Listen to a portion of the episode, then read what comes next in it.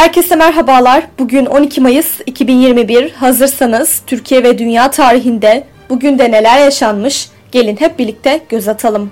Dünya tarihinde bugün yaşananlar 1820 modern hemşireliğin kurucusu, Kırım Savaşı sırasında Üsküdar'daki Selimiye kışlasında da görev yapan İngiliz hemşire Florence Nightingale İtalya'nın Floransa kentinde doğdu. Kendisine lambalı kadın adı takılmıştı. 1951 yıkıcı gücü Hiroşima ve Nagasaki'ye atılan bombaların 100 katı büyüklüğünde olan ilk hidrojen bombası denemesi Büyük Okyanus'taki Enevitok atölünde yapıldı. 1965 Doğu Pakistan'da kasırga çıktı, 10 binin üzerinde insan hayatını kaybetti.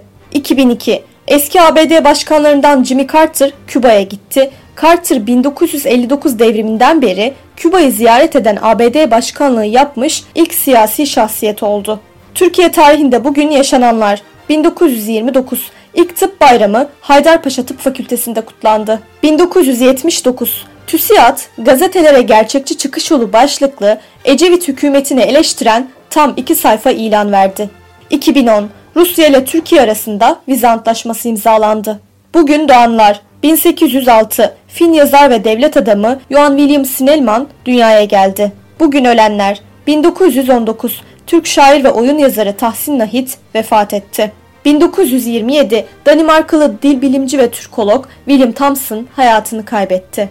Bugünkü bültenimizi de burada sonlandırıyoruz. Programımızda tarihte gerçekleşen önemli olayları ele aldık. Yarın da tarihte neler olduğunu merak ediyorsanız bizi dinlemeyi unutmayın. Yarın görüşmek üzere.